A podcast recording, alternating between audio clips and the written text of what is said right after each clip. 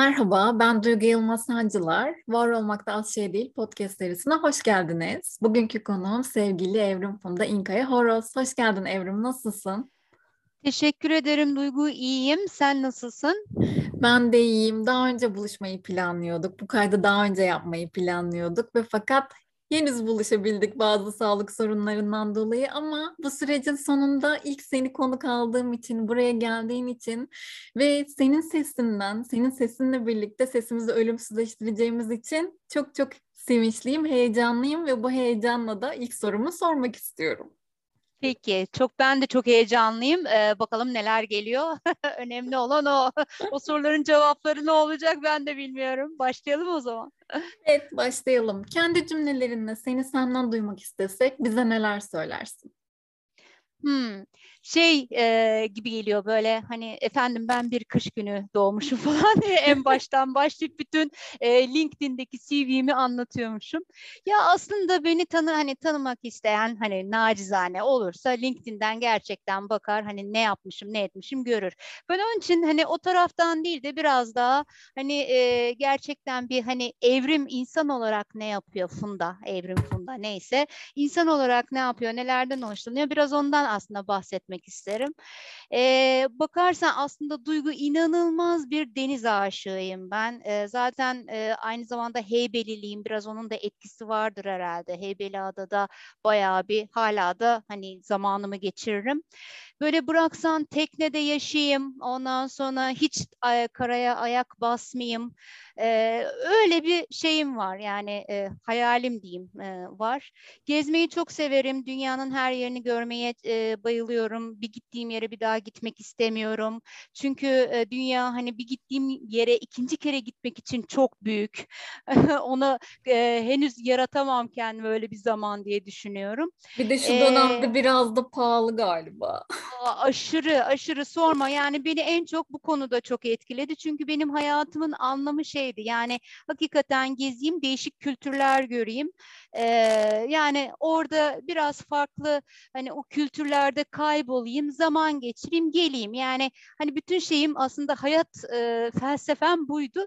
Fakat şu anda o açıdan e, çok rahatsızım. Yani hem tabii ki pandeminin olması hem de hani e, bir takım ekonomik sorunların olması maalesef bizi zorladı. Ee, bilmiyorum belki farklı şekillerde bir şeyler yapmaya çalışacağım ama nasıl olacak bilmiyorum. Şu anda onu düşünmek istemiyorum. E, onun dışında işte e, belirli birkaç arkadaşım vardır. Onlarla çok derin sohbetler yapmayı severim. En çok kendimi açtığım kişiler onlardır.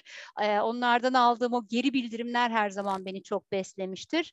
E, onun dışında teknolojiye inanılmaz hayranım. E, teknolojiyi e, olabildiğince kullanmaya çalışırım ama e, teknoloji beni o kadar sevmiyor diye düşünüyorum. Hep başıma mutlaka bir şeyler geliyor, bir sorunlar geliyor.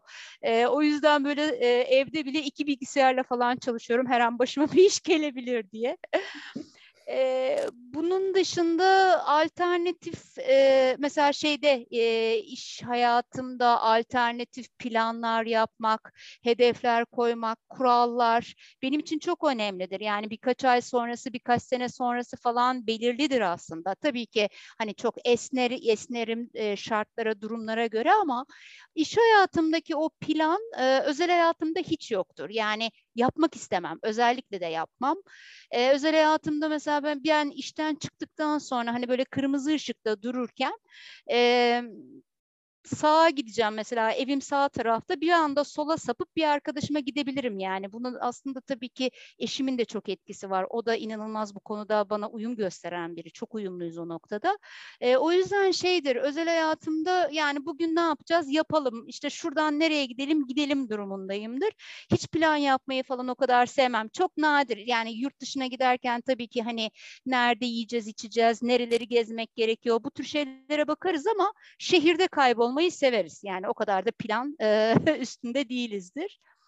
E, onun dışında da şeylerim var. Yani bir takım değerlerim var. Hani e, bir, bir amaç uğruna bir şeyler yapmak, işte özgürlük, paylaşmak, dengede olmak her açıdan yani iş hayatıyla da, özel hayatla da ve diğer aklına gelebilecek her şeyde ve yaratıcılık inanılmaz e, özendiğim e, işte yaratıcı olan kişileri gördüğünde ah o işin içerisinde ben de olsaydım dediğim e, bir şeyim var yaratıcılığa. İnanılmaz bir nasıl diyeyim düşkünlüğüm mü denir artık?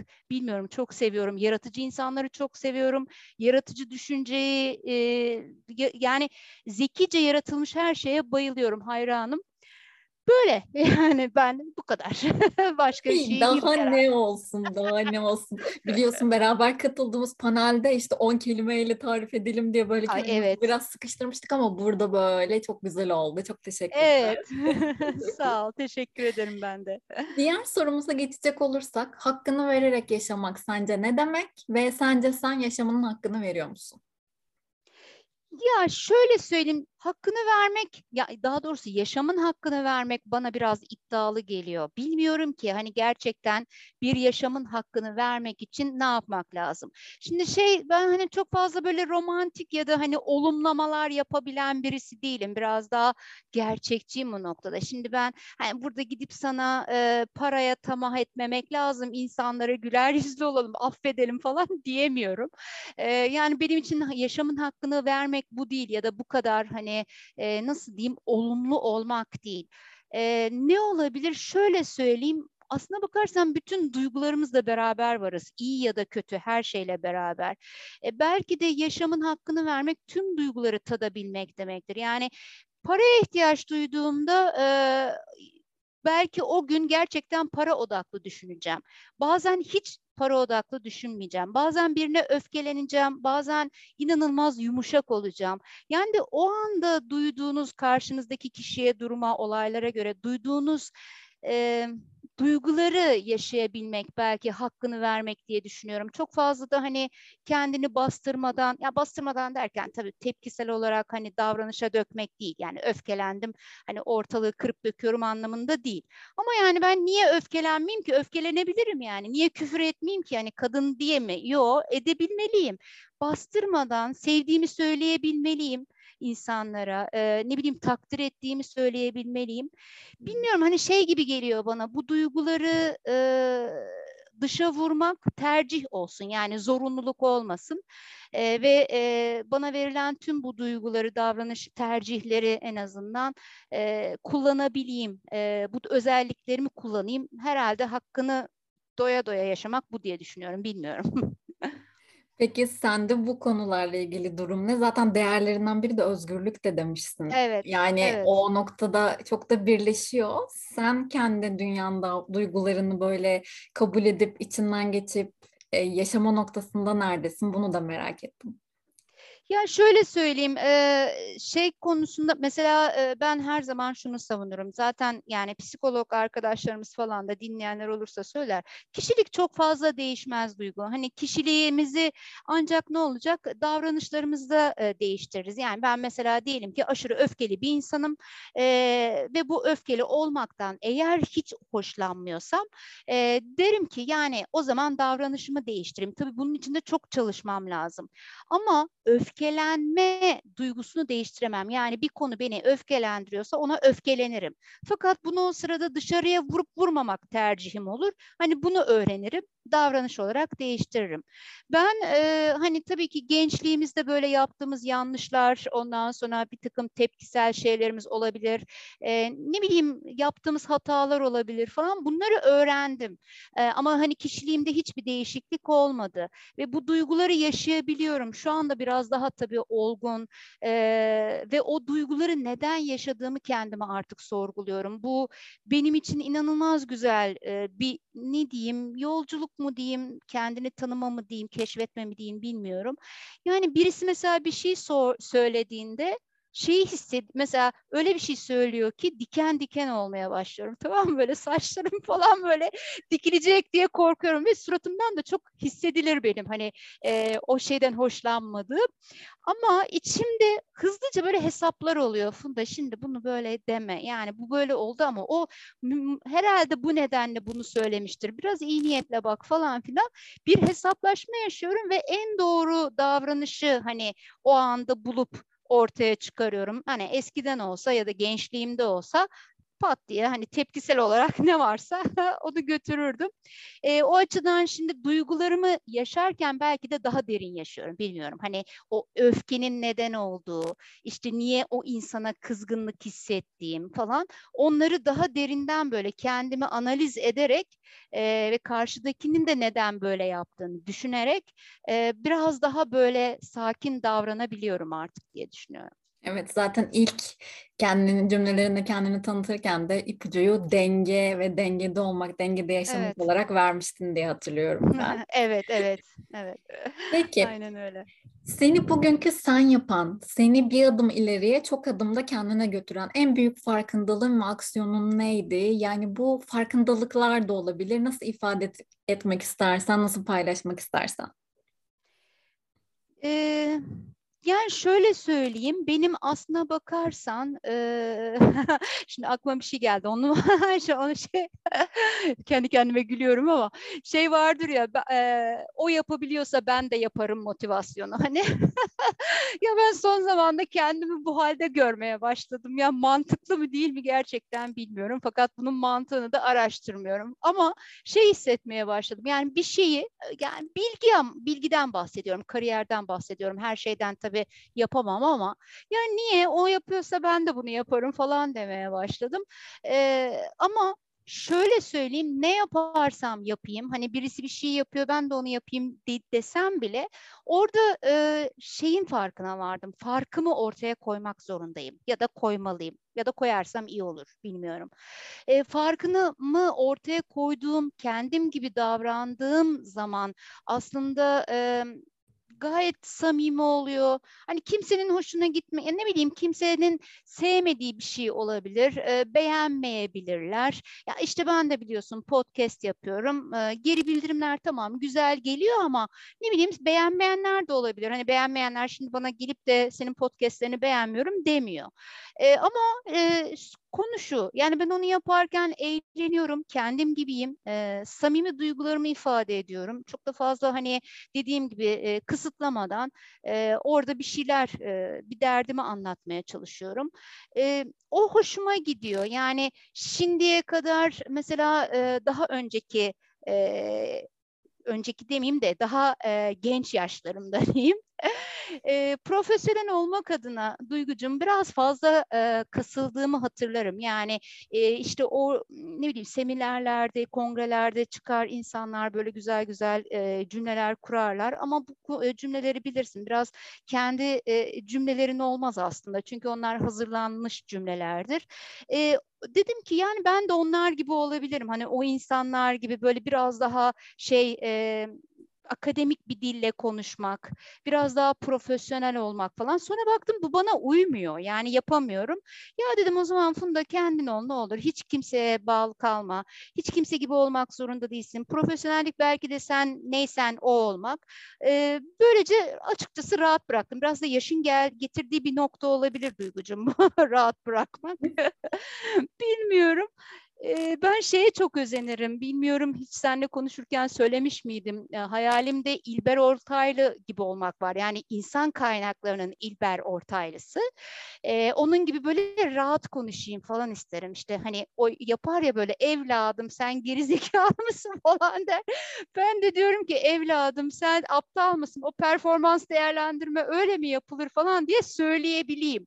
Yani insanlar gülerken aynı zamanda da desinler ki bu kadın doğru söylüyor söylüyor.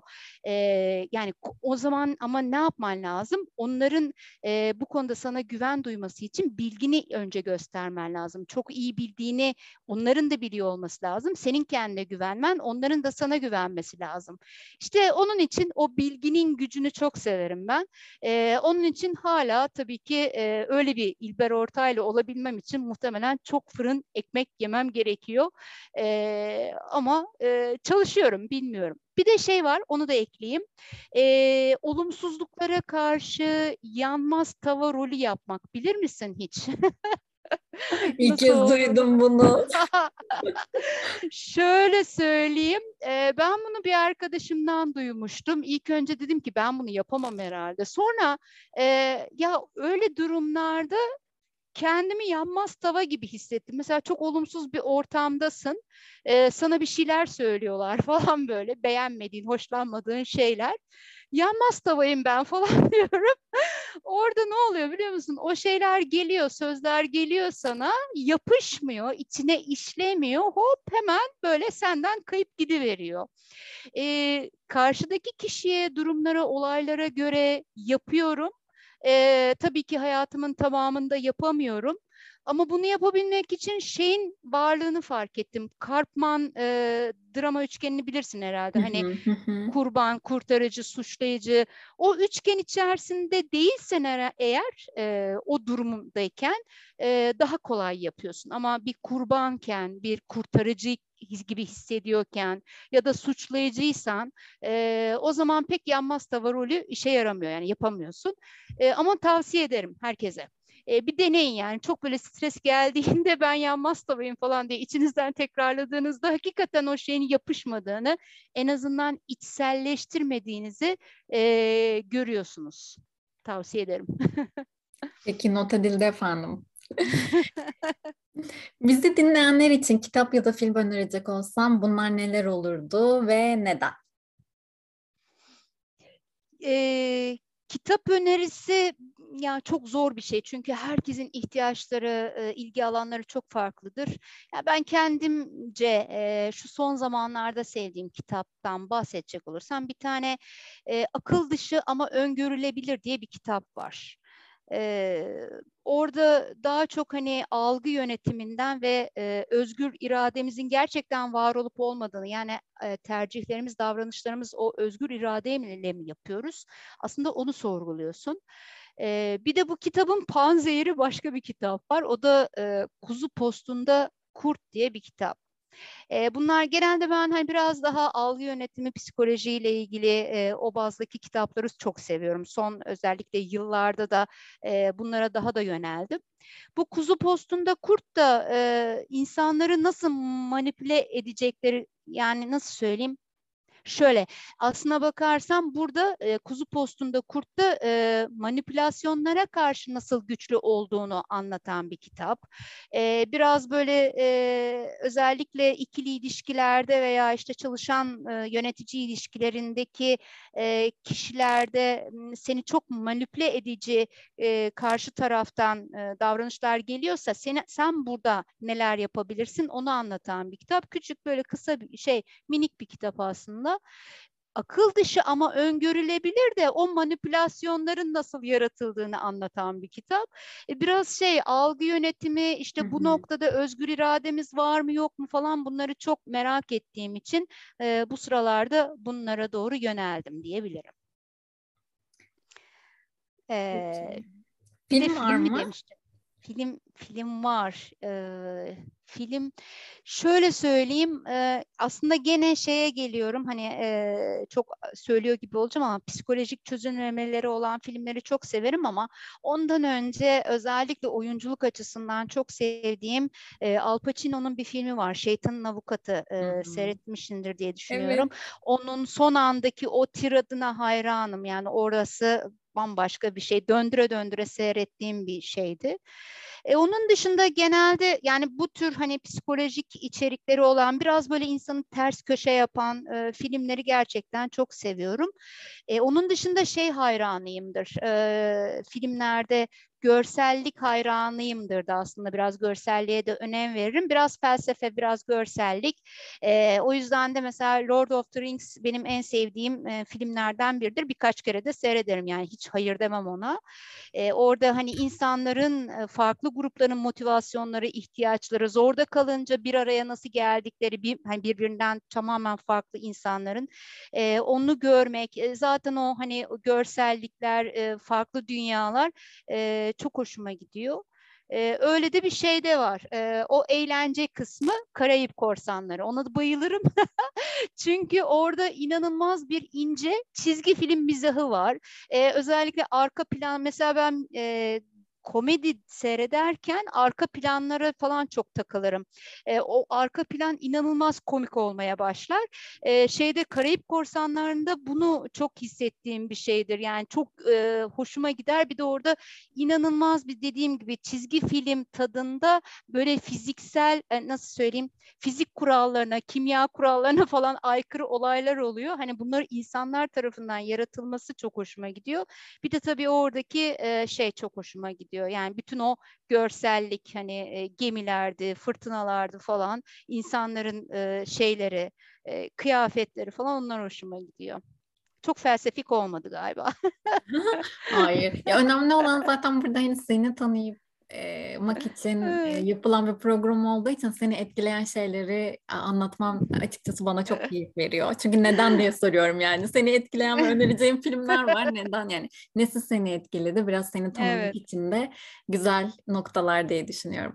Peki seninle yaptığımız bu bölümün adı ne olsun?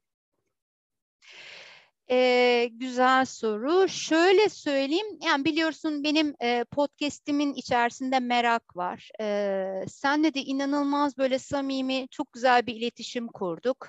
E, o zaman e, samimi bir merak diyebilir miyiz? Diyebiliriz. Olur mu? Oldu, tamam. oldu bile. Oldu. Süper. Bundan sonraki bölümün adı ne olsun isterdin? E, Duygucum e, bu daha zor bir soru. E, çünkü ondan bundan sonraki bölümde ne yapılır diye düşünüyorum. Ama şu sıralarda dediğim gibi eğer şey içerisindeyim yani bir özgür iradenin peşi, peşindeyim ama şöyle söyleyeyim tabii ki insanların özgür iradesi var mıdır bunu kullanabiliyor mu falan diye değil. Kendi öz, özgür irademden bahsediyorum. Ne kadarını kullanabiliyorum, ne kadarında başkalarının fikirlerine ya da bana şimdiye kadar empoze edilen şeylere takılıyorum da özgür irademi kullanamıyorum. Bunlar konusunda kendimi çok inceliyorum, analiz ediyorum. E, belki de bundan sonraki bölümün adı özgür iradenin peşinde olabilir. Muhtemelen hala kovalıyor olacağım o sırada. evet, Gerçekten çok güzel bir noktada da bıraktık e, sorularımızın yanıtlarını. Geldiğin evet. için çok çok çok teşekkür ederim Funda. Evrim diye açtım bak Funda diye kapattım. Süper her ikisini de kullanıyorum hiç sorun değil benim için. ve diyorum ki iyi ki varsın ve hep var ol isterim. Duygucum çok teşekkür ederim. Ben de e, yan podcast'te konuk olmaktan inanılmaz zevk duyuyorum. E, böyle komşuculuk oynamaya bayılıyorum. İnşallah bir daha sefere beraber benim bu sefer podcast'imde oluruz. E, onun da sözünü senden şimdi almış olayım. Ay, keyifle gelirim. Çok da güzel beraber sohbet Süper. ederiz diye düşünüyorum. Tamam. Çok teşekkürler. Tamam. Görüşmek üzere o zaman. Hoşçakal.